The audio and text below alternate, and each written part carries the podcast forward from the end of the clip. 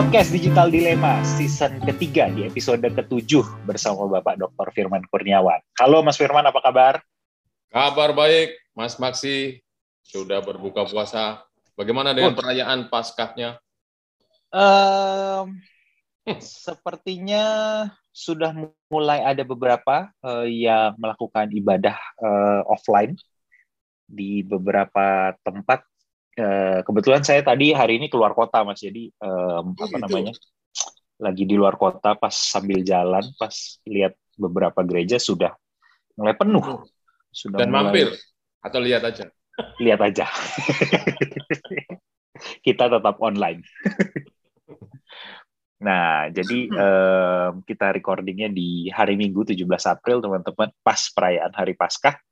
Um, ini malamnya kita record dan mudah-mudahan teman-teman sehat semua. Uh, selamat Paskah buat yang merayakan. Dan selamat uh, berbuka puasa buat Selamat ya. berbuka puasa. Berpuasa. Betul, tidak terasa uh, Ramadan sekitar berapa lagi? Dua minggu lagi ya? Dua ya, tiga minggu hari lagi. 15. Wah, ini sudah semakin ramai. Hmm. Uh, ada beberapa perusahaan atau institusi yang sudah memberikan THR nampaknya. Waduh. Nah, jadi Mantap. belanja dan kirim-kirim hampers itu sudah mulai. Betul. Bau-baunya sudah sudah mulai berasa. Pusat perbelanjaan juga sudah mulai ramai. Eh, kebetulan saya nginep di hotel yang bawahnya ada mallnya, jadi eh, singgah lihat di ini mall udah ramai banget ternyata orang belanja. Nah, dan mudah-mudahan itu bukan karena uh, shopping addiction. ah iya, bisa jadi kayak apa namanya? Uh, akhirnya bisa belanja, jadi mulai pada rame lagi. Tadi ada Mas Firman ada. Gak ada yang mau dibeli. ada singgung tentang addiction dan hari ini kita akan membahas tentang ketergantungan nih teman-teman. Ya, addiction, tapi internet addiction. Nah, ternyata ketergantungan uh, terhadap internet atau kecanduan ya terhadap internet um, dapat dikategorikan sebagai disorder, teman-teman, atau um, apa ya bahasa Indonesia-nya ya? Kelainan, apa? Penyimpangan. Penyimpangan. Nah, hari ini kita mau bahas tentang internet addiction disorder. Nah, mungkin Mas Firman boleh menyampaikan pemaparan dulu nih, kira-kira apa sih gitu internet addiction disorder ini? Ya, uh, internet addiction disorder bisa di oleh sebagian ahli disebut sebagai the buzzword uh, hmm. apa kata-kata yang uh, untuk menarik simpati atau menarik perhatian, tapi di bagi beberapa ahli uh, itu adalah sebuah keadaan yang nyata. Nah, mengapa tadi disebut buzzword? Uh, antara lain sebetulnya uh, internet itu hanya cantolan saja. Uh, orang uh, addictionnya itu uh, pada teknologinya sebetulnya, atau hmm. uh, pada perilaku tertentu, misalnya perjudian. Nah, dia karena sekarang judi bisa pakai uh, online sehingga dianggap itu masuk ke dalam internet disorder tadi, atau hmm. uh, sebelum ada internet dan Eh, kecanggihan hiburan, ada orang yang addiction terhadap pornografi, maka hari ini eh, konten-konten pornografi bisa di eh, apa transformasi melalui medium internet. Juga masuk di dalam internet disorder. Jadi sebetulnya ini bukan sesuatu gejala yang baru, tapi ketika internet ini menjadi sebuah kenyataan dan realita bagi kehidupan hari ini.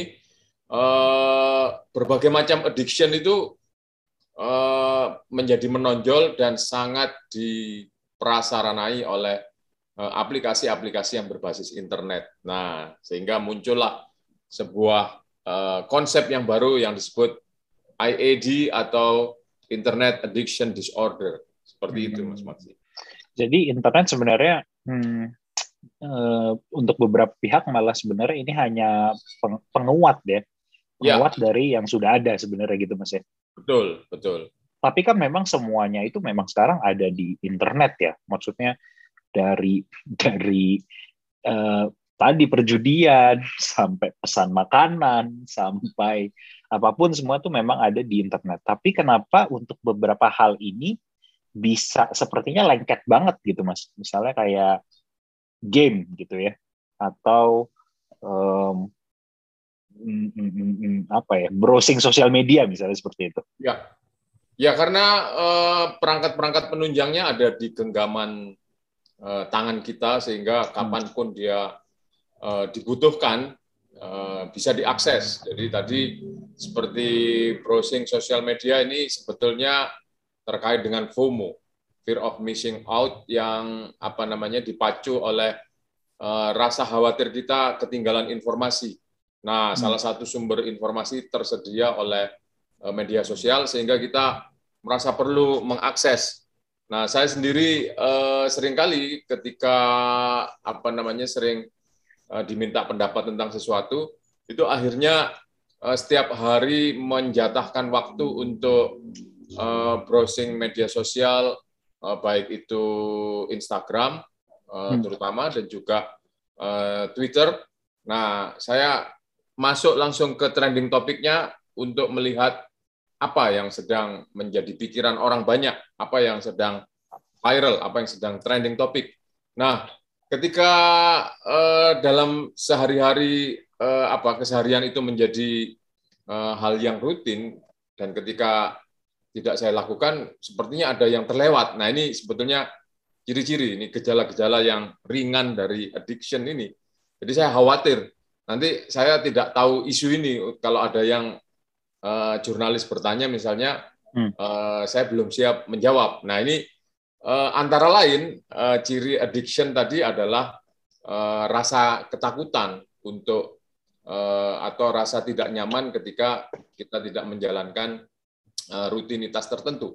Nah demikian juga dengan game tadi, uh, seseorang perlu misalnya melihat rankingnya di di uh, apa di antara peernya ketika bermain, saya ada di posisi berapa kira-kira saya ketinggalan atau tidak. Jadi ada rasa ketakutan-ketakutan yang menyebabkan kita apa terus mengakses permainan tersebut. Nah ini semua di uh, prasaranai oleh perangkat-perangkat yang berbasis internet seperti itu.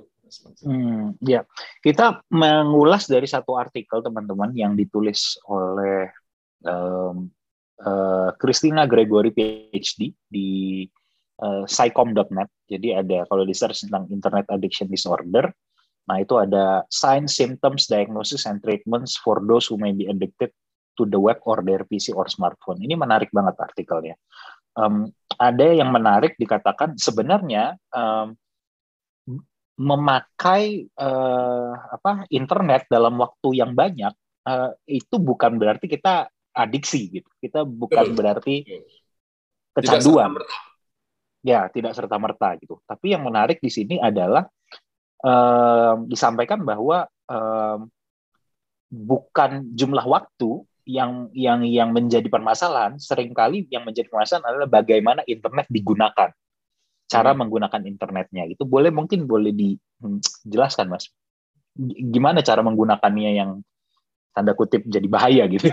Ya, Uh, tadi ada uh, suatu analogi bahwa uh, internet ini ada uh, daging dan lemak internet yang satunya sayuran internet. Nah, nah daging dan oh, lemak iya. internet ini diibaratkan uh, sumber kolesterol sehingga ketika kita mengkonsumsi uh, semakin banyak dan uh, terus-menerus, maka itu akan mengancam kesehatan kita.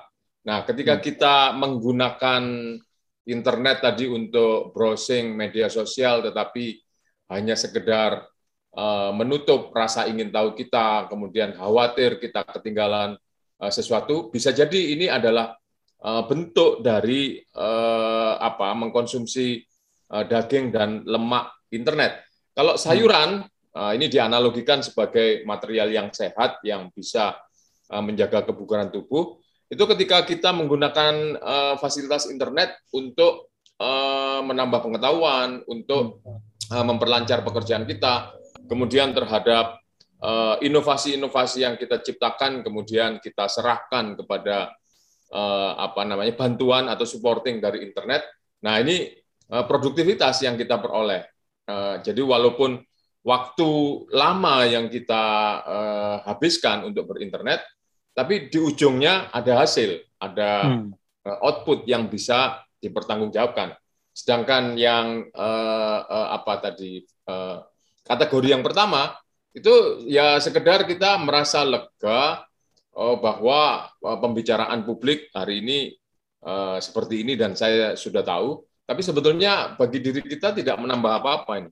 Hanya hmm. justru mungkin menambah beban, menambah uh, apa namanya bisa jadi ketidaknyamanan diri karena diterpa oleh informasi yang tidak direncanakan atau tidak diantisipasi. Nah ini yang hmm. disebut dengan mengkonsumsi internet daging dan lemaknya seperti itu mas. ya, dan um, ya sebenarnya kan mengkonsumsi mah ya sah sah aja gitu kan asal sah -sah yang dikonsum dikonsumsi sehat gitu. Nah ini ada yang menarik juga disampaikan kalau um, intinya kalau setiap adiksi itu ciri khasnya adalah dia uh, men-trigger atau memancing uh, uh, keluarnya dopamin di hmm. dalam uh, tengah center of the brain uh, di tengah otak kita gitu. Jadi um, apa namanya um, banyak aktivitas mungkin yang kita lakukan yang misalnya kayak tadi misalnya main game ataupun sosmed yang yang akhirnya itu menjadi real kita mengharapkan dia merilis dopamin gitu dengan kita melakukan hmm. itu gitu. Jadi ya. kalau capek stres, bukan istirahat malah uh, main sosmed gitu misalnya. Ya. Untuk me me me merilis dopaminnya. Jadi ya cara menggunakannya yang kemudian jadi salah, bukan untuk yang yang tadi yang yang untuk mencari informasi makan sayurnya. Tapi kan kalau kalau mau makan enak kan makan daging dan lemaknya gitu ya Mas. Padahal tidak terlalu berguna buat tubuh. Yang penting ya. gembira.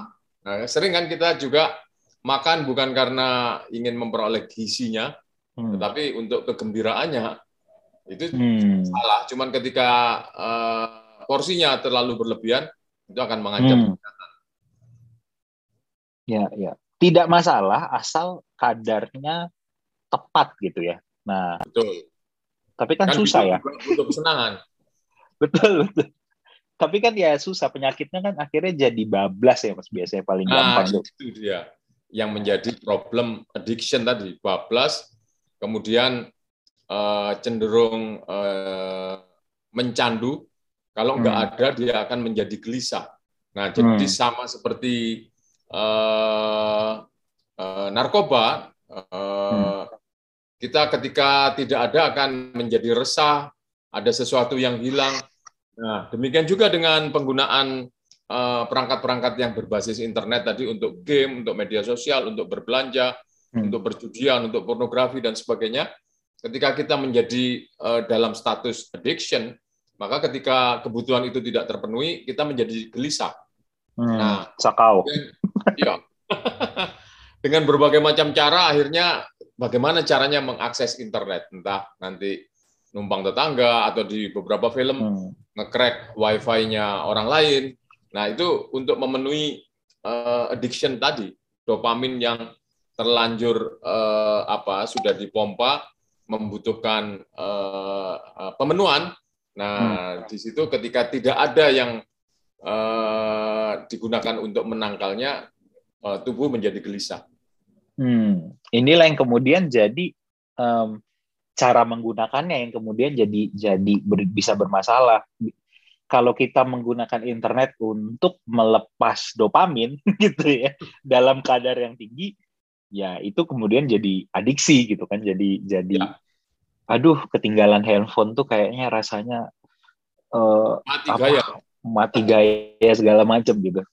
Karena nggak ada sumber nggak ada hal lain yang bisa melepaskan si dopamin gitu kan karena kita sudah ke situ terus gitu ya. Ya. Rasanya. Kalau nggak ada jadi anxiety. bisa dipicu oleh yang kita tidak duga adalah misalnya kita mendapatkan like, mendapatkan komen positif hmm. dari orang lain. Nah, di jurnal yang tadi Mas Maksi sampaikan hmm. itu ada dua hal ketika kita telusur uh, sebetulnya uh, addiction ini apa sumbernya, yaitu dua hal. Pertama uh, tadi kesenangan dengan dirilisnya dopamin kita menjadi gembira dan kemudian hmm. ketika kegembiraan itu eh, benar-benar bisa membuat kita bergairah, kita itu kecanduan, nanti ingin lagi seperti hmm. itu. Jadi sebetulnya ada beberapa kimia otak yang uh, bekerja, ada dopamin, serotonin, hmm. dan sebagainya, ada uh, memberi efek kesenangan, ada efek kecanduan, dan sebagainya. Itu ahli uh, uh, saraf yang mengerti dan ahli hmm. psikologi mungkin. Nah, uh, selain tadi ada rasa gembira yang diperoleh, itu juga ada rasa penghargaan. Jadi hmm. uh, kalau main game kan, uh, kalau kita lihat uh, orang yang bisa nendang nanti dapat uh, nilai 10, bisa nendang hmm. sampai lompat dapat 100, bisa uh, menghajar lawan dapat 1000. Nah, penghargaan-penghargaan itu begitu mudah diperoleh di uh, hmm. uh, apa medium berbasis internet. Demikian juga ketika kita berbelanja, ada potongan harga, kemudian ada kejutan-kejutan promo dan hmm. sebagainya yang membuat kita itu uh, apa? Uh, kalau di dunia nyata dengan uang yang kita miliki dapatnya ya segitu. Tapi kalau hmm. yang berbelanja berbasis internet, kok saya dapat value yang lebih besar. Nah ini hmm. ada uh, gap yang kemudian kita persepsi sebagai penghargaan yang sangat mudah diterima di medium-medium berbasis internet. Nah ini hmm. kemudian uh, menjadi pemicu addiction. Ya karena menyenangkan sekali mendapatkan hal itu gitu mas. Oh, tidak betul. bisa didapatkan di di dunianya tanda kutip bisa jadi begitu gitu ya. Ya kalau kalau dilihat tuh um, ini ada beberapa gejala mas. Mungkin yang ketika kita sudah uh, apa namanya uh, adiksi gitu. Kalau tidak ada uh, internet mungkin emosional kita jadi tidak stabil dan ada rasa-rasa seperti ini. Ada depresi ketidakjujuran, merasa bersalah, anxiety, ngelihat komputer atau HP itu euforia banget gitu. Hmm. Nah, tidak bisa memprioritaskan atau me, me, menyusun schedule dengan baik. Mengisolasi diri, tidak tahu waktu. Dan kadang-kadang sampai harus berbohong kepada orang lain. Iya, iya, iya, benar, benar. Ada banyak sekali pokoknya. Ini sebenarnya kalau dilihat tuh agak mirip-mirip dengan kecanduan narkoba ya. Betul. Makanya ada seorang ahli yang namanya Jaren Lernier itu kan bilang uh, kecanduan uh, perangkat-perangkat yang berbasis internet dalam hal ini kalau Jaren itu bilang uh, media sosial itu adalah bentuk dari uh, kecanduan yang legal yang diizinkan oleh sistem. Nah, padahal hmm. sebetulnya efeknya kalau kita foto otaknya orang yang kecanduan narkoba atau kecanduan hmm. belanja atau kecanduan pornografi itu mirip sebetulnya. Termasuk tadi kecanduan internet. Jadi bentuk otaknya itu akan berubah. Nah jadi tidak ada bedanya kita kecanduan narkoba dengan kecanduan media sosial. Itu yang ingin digariskan. Dan memang sih katanya memang ini ada ada apa uh, ini tuh berpengaruh pada bentuk biologisnya uh, otaknya memang gitu. Jadi kat, katanya memang ada sel-sel yang jadi mati gitu. Dampaknya adalah jadi ya. gampang lupa. gampang lupa, kemudian me memikirkan konsep yang rumit itu mudah uh, apa lelah atau bosan, hmm. kemudian apa sesuatu yang tidak menarik itu akhirnya tidak memberi tantangan. Hmm. Nah, jadi ini apa namanya benar-benar yang dipicu itu kesenangan dan tadi rasa penghargaan ketika keduanya tidak diperoleh orang akan menarik diri dari kehidupan nyata padahal kehidupan nyata kan tidak selalu seperti dua hal tadi.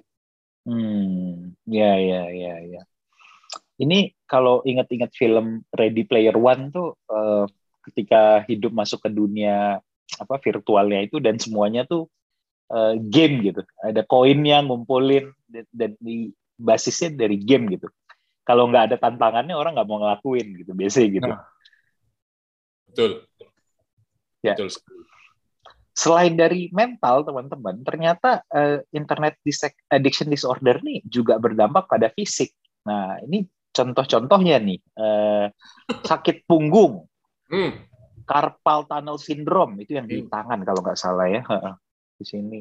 headache, pusing, insomnia, nggak bisa tidur, poor nutrition, uh, apa? Uh, karena karena nggak makan, keseringan ya. main, main gitu. Kadang makan pakai tangan satu aja karena ya. lagi mempertahankan posisi saat main game. Poor personal hygiene ke apa tidak bisa kan nggak mandi, iya sakit leher. Ini bukan ciri-ciri orang WF WFH ya, tapi ini ciri-ciri ngegame. sakit leher, mata kering, ada masalah uh, penglihatan. Berat bisa tambah atau berkurang gitu. Wah. Hmm. Um, ya ini ya Pak apa cuman gara-gara main handphone doang gitu, cuma main komputer doang itu bisa sampai ke sindrom apa uh, dampak fisik yang uh macem-macem gitu.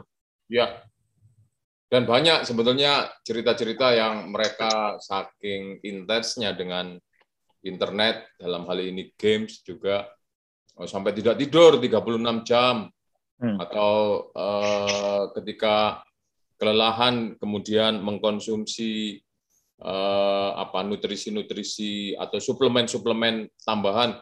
Nah, padahal jantung seharusnya diistirahatkan tapi dipacu terus kemudian banyak yang meninggal mendadak di depan eh, perangkat-perangkat berbasis internet seperti itu. Ya, ya. Ini mengingatkan saya sama sekarang beberapa tim e-sport justru uh, mewajibkan itu uh, atlet-atletnya untuk olahraga fisik. Jadi ada ada ininya, ada latihan fisikal fisikal motoriknya. Iya. Jadi mereka nggak cuma wah gitu doang mereka aja tuh ada jadwal ya teman-teman nah kita kan yang tidak profesional ini kan kadang lebih lebih kecanduan daripada yang atlet ya jadi main terus gitu main main terus uh, mengurung diri kemudian uh, mungkin kalau tidak ditunjang dengan entah kursi atau tempat yang uh, memberikan variasi pada tubuh untuk bergerak Akhirnya hmm. nanti lama-lama tulang melengkung, kemudian tadi juga uh, makan menjadi tidak teratur, jarang mandi. Ya, ujung-ujungnya adalah buruk sebetulnya nih. Dari hmm. semua hal ini hmm. buruk secara fisik. Hmm. Tidak gerak, tidak makan, tidak mandi, uh, tidak cukup istirahat, dan juga hari ini uh, ketika kita akan mengakses uh, orang lain itu kan sudah tersedia secara global, sehingga katakanlah di Indonesia jam 3 waktu Indonesia bagian barat, hmm. belahan dunia lain mungkin itu adalah jam uh, produktif. Beda berapa jam, iya. Jaga. Sehingga ada orang lain yang siap untuk menemani kita dalam 24 hmm. jam di berbagai uh, wilayah dunia ini. Iya, benar. Saya pernah ngerasain itu tuh. Uh, kalau udah malam, yang online banyak tuh orang Amerika ya orang-orang baru baru pada aktif tuh. Jadi kita tahu kalau kita mau main sama uh, yang dari Amerika itu jam berapa, kalau main sama ini itu jam berapa gitu-gitu. Betul. Nah, uh, itu kalau fenomenanya gaming mas. Ini aku mau bawa ke satu yang uh, dekat dengan kehidupan kita sehari-hari. Akan banyak itu terkadang uh, orang tua gitu misalnya orang tua masih orang tua baru misalnya seperti itu punya anak kecil ketika anak kecilnya rewel sudah tahu mereka untuk langsung minta handphone misalnya gitu. nah. nonton video di satu sisi anaknya happy orang tuanya juga happy gitu. karena anaknya nggak ngomel lagi gitu. menurut Mas Firman gimana Mas?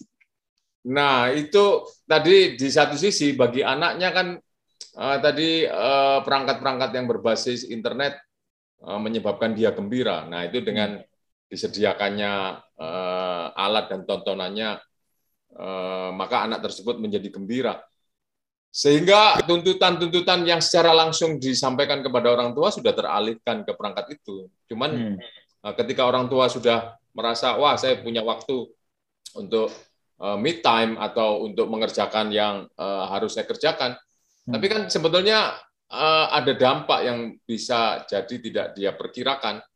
Uh, anak itu me, uh, berselancar ke informasi-informasi uh, yang tidak perlu atau mungkin uh, apa menjadikan jalan keluar uh, penggunaan perangkat berbasis internet itu sebagai upaya untuk uh, mengendalikan dirinya gitu kan. Hmm. Nah, sehingga akan terbentuk uh, apa namanya suatu pola-pola kebiasaan yang belum tentu uh, menguntungkan bagi anak tersebut. Nah, ini sehingga para hmm. orang tua perlu mempertimbangkan apakah memberikan perangkat tersebut adalah tindakan yang bertanggung jawab.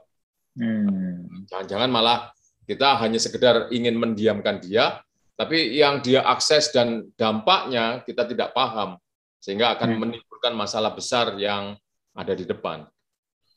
Yang yang perlu diperhatikan tuh kan sebenarnya adalah karena setiap kegiatan tuh membentuk pola ya, Mas. Dan betul, betul. betul. Ya baik itu kayak kita main game sampai jam larut malam dan segala macam kan membentuk pola yang akhirnya kita biasa tidurnya juga jadi jam berapa. Soalnya eh, anak juga jadi menuntut menon menonton itu gitu kan Betul. Uh, sebelum makan itu yang harus kita hati-hati kayaknya terkadang kita lupa kayak ah satu kali aja deh ya udah nggak apa-apa ini ya udah nggak apa-apa gitu tapi kan bablas beberapa eksperimennya Pavlov uh, hmm. ketika dia uh, melihat reaksi dogi uh, diberi daging hmm. uh, dia akan uh, melakukan tindakan tertentu Kemudian antara waktu memberi daging dengan munculnya tindakan tertentu diberi lonceng. Lama-lama nanti dagingnya diganti. Eh, ketika lonceng dibunyikan, muncul tindakan seperti dia diberi daging. Nah, terus diulang seperti itu. Ternyata beberapa eksperimen yang semacam itu ketika dicobakan kepada manusia juga terjadi. Nah, jadi artinya manusia ini sebetulnya perilakunya terbentuk karena kebiasaan tadi yang diulang-ulang.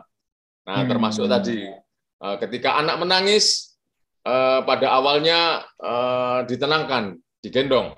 Kemudian hari berikutnya menangis, ditenangkan dengan digendong. Kemudian digendongnya diganti dengan hmm. menangis diberi gadget. Terus hmm. diulang. Nah, sehingga setiap apa namanya dia ada gejala-gejala menangis sudah diberikan gadget, dan akan terbentuk pola. Kalau saya tidak diberi gadget, saya akan menangis. Nah, ini sebetulnya hmm. Uh, entah siapa yang terpola, orang tuanya atau hmm. anaknya. Nah, ini. Iya, iya benar. Sebetulnya terjadi perubahan juga. Iya, benar, benar. Jangan-jangan tuh bukan anaknya, tapi orang tuanya. Orang tuanya benar. yang berubah polanya. Benar, benar, benar. Bisa jadi begitu. tapi permasalahannya kan ketika ini apa ya anggaplah kayak kayak narkoba gitu mas pertama kalau dikasih barang jelek itu ya udah gitu kan. Begitu udah kenal barang bagus mau turun grade itu kan susah ya. Ya. Nah, kalau udah ketemu gadget gitu terus mau dihilangin kan susah ya. Susah susah. Susah. Itu juga Apa? kan para pecandu narkoba kan juga bahkan melihat alat untuk mengkonsumsi narkobanya aja dia bisa teringat, terstimuli kecanduannya. Ini baru dengar baru dengar suara kali dari jauh ya gitu. Ada dia mungkin anak di sebelah lagi dengar lagu Baby Shark itu tuh udah kayak udah langsung kayak ah gitu jadi ya. Harus hati-hati. Ya, ya. Tapi nah, sebetulnya isu yang juga lebih penting uh, di beberapa riset, hmm. uh, kecanduan ini bukan hanya secara natural yang kita ceritakan tadi ini kan natural. Uh, ketika kita terbiasa kemudian terbentuk perilaku, kemudian uh, ada relasi antara perilaku dengan uh, munculnya kecanduan.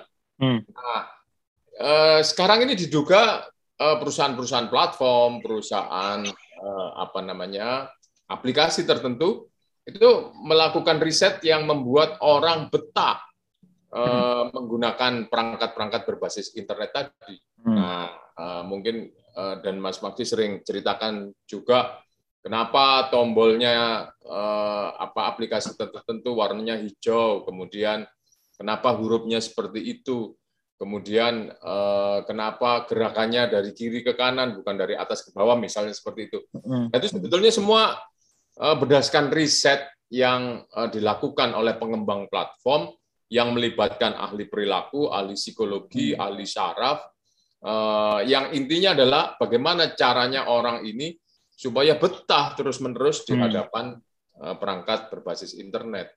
Nah, ini sudah bukan natural lagi kalau seperti itu. Hmm. Memang dimuli oleh pengembang platform. Iya, iya. Banyak sekarang kita lihat uh, apa ya fitur-fitur di dalam aplikasi dan segala macam memang mem membuat orang untuk betah aja di dalam gitu untuk untuk terus ada di situ gitu. Um, itu baik sadar nggak sadar kali ya. Mungkin kalau di handphone kan suka ada screen time ya teman-teman ya. Hmm. nah kita coba lihat deh screen time kita itu trennya makin lama makin naik atau makin turun atau gimana. Mas Firman sendiri selama WFH itu screen time naik apa enggak? Oh naik. Naik banget. naik banget. Iya iya iya sama tadinya ada waktu waktu commuting gitu ya, waktu naik kereta atau atau berkendara sekarang nggak ada, itu di convertnya jadi ke sosmed. waktu commuting, waktu ngantri, waktu jeda antar uh, program yang satu dengan yang lain, itu semua sekarang bisa terisi oleh penggunaan perangkat internet, sehingga naik drastis. Tapi kalau dikonsumsinya yang sayur, sebenarnya nggak masalah gitu. Gak masalah. Ya, ya. Ya mungkin kita harus hati-hati juga sih teman-teman dengan platform ya, karena hmm, memang tujuan mereka adalah membuat kita berlama-lama di dalam platformnya gitu kan. Um, bisnis model mereka kan platform khususnya media sosial adalah iklan gitu yang hmm. yang terbesar. Um, yeah. Logikanya sederhana, semakin lama kita masuk di dalam suatu platform, semakin banyak iklan yang bisa dia tayangkan gitu kan ke kita dan itu sumber penghasilan mereka. Kita lebih banyak melihat iklan, otomatis kita uh, mereka mendapatkan lebih banyak uang dari pengiklan Betul. gitu. Betul. Nah, menurut Mas Firman, gimana caranya kita bisa melepaskan diri dari kayak ya itu tadi kayak bablas gitu. Sebenarnya make tapi kelebihan gitu, Mas. Ya pertama uh, Mas Maksi sendiri sering uh, apa menggunakan tolok ukur terhadap sesuatu adalah tujuannya apa. Ketika kita hmm. berinternet uh, tahu tujuannya apa, pasti kita juga uh, bisa mengukur tujuan tersebut sudah tercapai atau belum. Ketika hmm. misalnya kita dalam hal ini bermedia sosial, tujuannya adalah untuk uh, bersosialisasi dengan orang lain, uh, menyampaikan cerita kita dan kemudian eh, apa namanya direspon orang lain. Setelah itu kita rasa cukup ya sudah selesai. Nggak usah browsing ke eh, kalau di Instagram Explorer yang sebetulnya bukan eh, apa eh, peer kita hmm. eh, segera keluar pindah ke pekerjaan yang lain. Eh, selain tujuan juga eh, kemudian eh, kita perlu memang mengatur waktu Eh, membagi pencapaian tujuan tersebut tidak misalnya eh, sudah menggunakan eh, internet tiga jam terus menerus tapi masih belum tercapai kita akan terusin lagi. Nah ini tadi entah tubuh ini ketika perlu digerakkan tapi kita tidak bergerak sehingga dia akan tersiksa otot-otot menjadi kaku demikian juga dengan mata menjadi kering, uh, uh, apa kita juga perlu uh, makan dan mandi. Nah, jadi harus ada jeda-jeda yang uh, tegas. Nah, kata kunci dari itu semua adalah uh, disiplin uh, menggunakan uh, perangkat digital dan tidak berlebihan seperti itu. Tapi seru lihat Discovery itu lihat itu kayak kadang-kadang kayak, ada yang lucu, ada yang baru nih gitu itu tuh fitur-fitur kayak explore tuh memang ini sih mas. Memang fitur-fitur yang yang ditambahkan. yang, yang ditambahkan. Menjadi edit. Apalagi ditambah real iya. Kalau di Instagram. Instagram. Kalau kalau dulu tuh kan sebenarnya kalau kita ingat teman-teman zaman Instagram dulu baru muncul kan feed kita itu disusun berdasarkan kronologis waktu kronologis waktu jadi siapa yang terakhir ngepost dia muncul di atas gitu kan nah, ya ya terus akhirnya berubah metodenya karena dianggap tidak membuat orang jadi jadi nempel, dirubah jadi berdasarkan interest gitu kan. Mm-hmm. Berdasarkan berdasarkan kita teman sama siapa, behavior gimana, jadi logiknya based on interest. Nah, tapi ternyata uh, interest ini semakin ke sini semakin ini sih apa uh, terkadang kita bosan dengan informasi yang udah kita dapat gitu. Ya. Cuman itu itu aja nggak nggak bertambah. Betul. Nah itu menurunkan ini sih menurunkan waktu orang meng menggunakan platform sih pasti. Makanya ya. muncullah fitur explore, fitur-fitur apa orang tuh kayak sekarang senang dikasih surprise juga gitu mas di internet. Ya, betul. Dan juga untuk memancing para ini pembuat konten agar hmm. lebih variasi. Kalau saya lihat sekarang algoritmanya Instagram itu berbeda. Jadi katakanlah kalau Mas Maksi uh, uh, tipe ciri kontennya adalah uh, kegiatan di pagi hari hmm. uh, dalam satu bulan yang diposting itu terus. Nanti semakin lama yang memberikan like akan semakin hmm. sedikit. Bukan karena follower kita menjadi Eh, semata-mata karena bosan, tetapi juga hmm. Oleh pengembang platform nampaknya dikurangi kuota orang yang bisa melihat uh, posting kita. Nah, hmm. coba kalau sebaliknya kebiasaan kita yang tadi memposting sesuatu yang pagi hari, kita hmm. variasikan uh, di sore hari, kemudian di malam hari. Hmm. Nah, itu akan naik drastis. Hmm. Nah, itu sekali lagi bukan karena variasi, tapi nampaknya oleh uh, apa namanya pengembang platform di uh, apa kuotanya ditambah karena sebetulnya platform ini ingin mengetahui semua aktivitas kita lebih lengkap. Jadi hmm. kita di pagi hari, di siang hari, di, di sore hari, di malam hari semua ada. Nah saya kemarin mencoba uh, padahal postingan saya itu sangat uh, remeh-temeh, nggak ada hmm. hubungannya dengan saya. Misalnya saya uh, memotret taman di depan rumah saya. Hmm. Biasanya yang saya posting adalah uh, hasil interview hmm. uh, hari Senin hasil interview, Selasa hasil hmm. uh, syuting TV dan sebagainya. Itu tambah hmm. lama tambah turun. Nah hari uh, kelima dari satu minggu itu saya ganti, saya posting uh, taman di depan rumah hmm. saya. Naiknya drastis. Hmm. Nah ini sepertinya mengkomunikasikan kepada saya semua bagian hidupmu tunjukkan nanti akan saya beri kuota yang lebih besar untuk iya itu sering terjadi teman-teman kalau ada sesuatu yang dirubah ya nanti kita dapat dapat ini dapat dapat platform tuh kayak wow ditambahin impressionsnya ditambahin reachnya gitu gitu terus nah.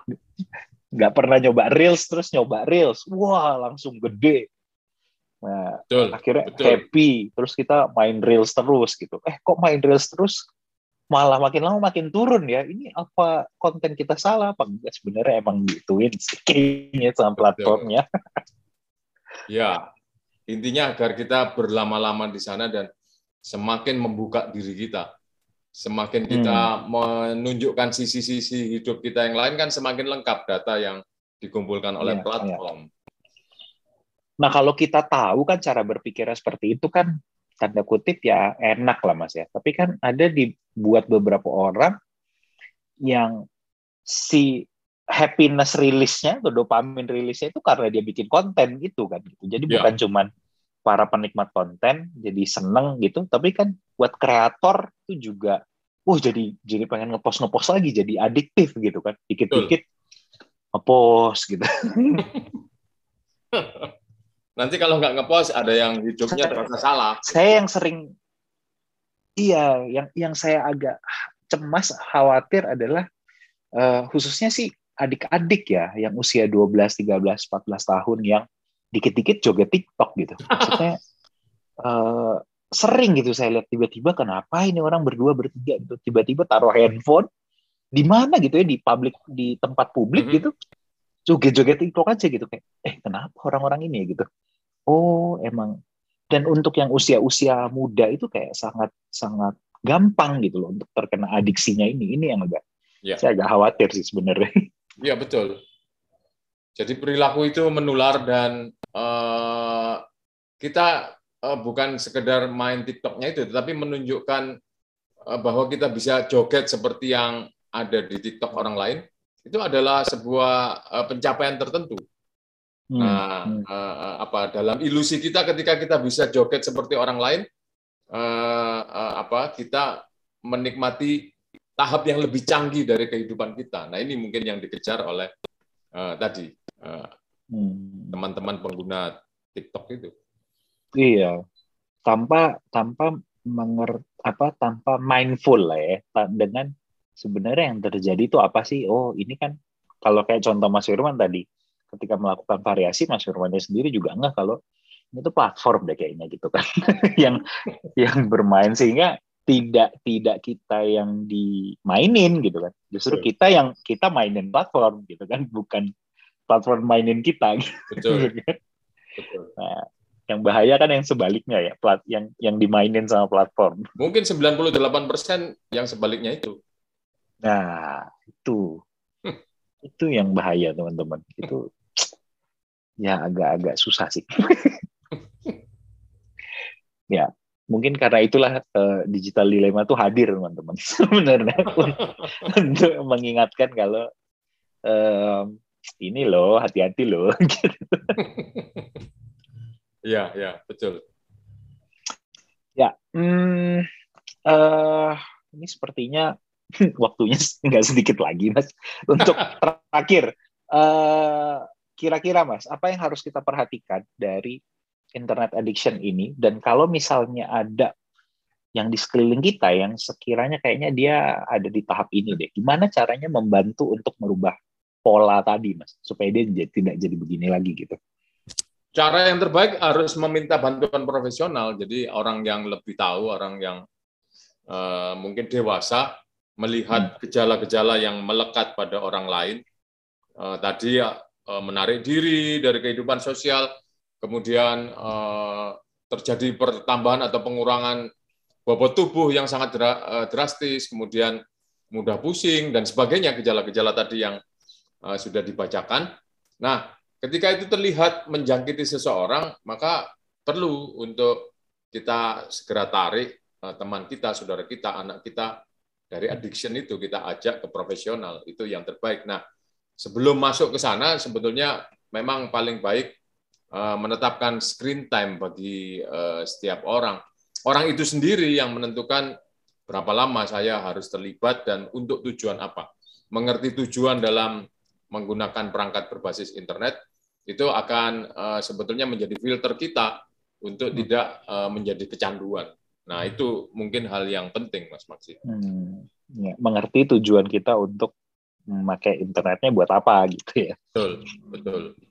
Buka balik lagi bukan masalah ini bukan masalah kuantitas teman-teman make banyak atau sedikit gitu. Banyak mah nggak nggak masalah asal makainya ya bener gitu kan. Ya. Kayak orang baca buku ya banyak baca buku bagus gitu, tapi uh, buku apa dulu yang dibaca gitu kan iya. sama-sama. Iya. Betul. Kalau kemudian tidak bisa hidup tanpa membaca buku, ini ada yang salah. Ada yang salah juga, gitu teman. Se apa sesuatu yang berlebihan tuh pasti tidak tidak akan baik lah. Ya. Intinya gitu. Uh, mesti ingat juga kalau misalnya uh, bersosialisasi keluar itu juga perlu dilakukan sekali-sekali. Ketemu langsung. Kata kuncinya adalah kemampuan mengendalikan, melakukan kontrol Nah, hmm. ketika tadi kita dikendalikan oleh dopamin atau hal-hal yang membuat kita kecanduan, itu kan berarti kontrol sudah tidak di tangan kita. Ya, ya, benar. Itu yang itu yang susah. kita susah kita tahu dia kita tahu cara merilisnya tapi kita tidak pernah kita tidak pernah bisa mengatur seberapa cukupnya gitu loh. Ya, Iya. Kita tahu cara bikin happy-nya kayak gini nih, tapi mau se mau seberapa banyak happy-nya. Nah, itu yang bablas. ya, ya, ya.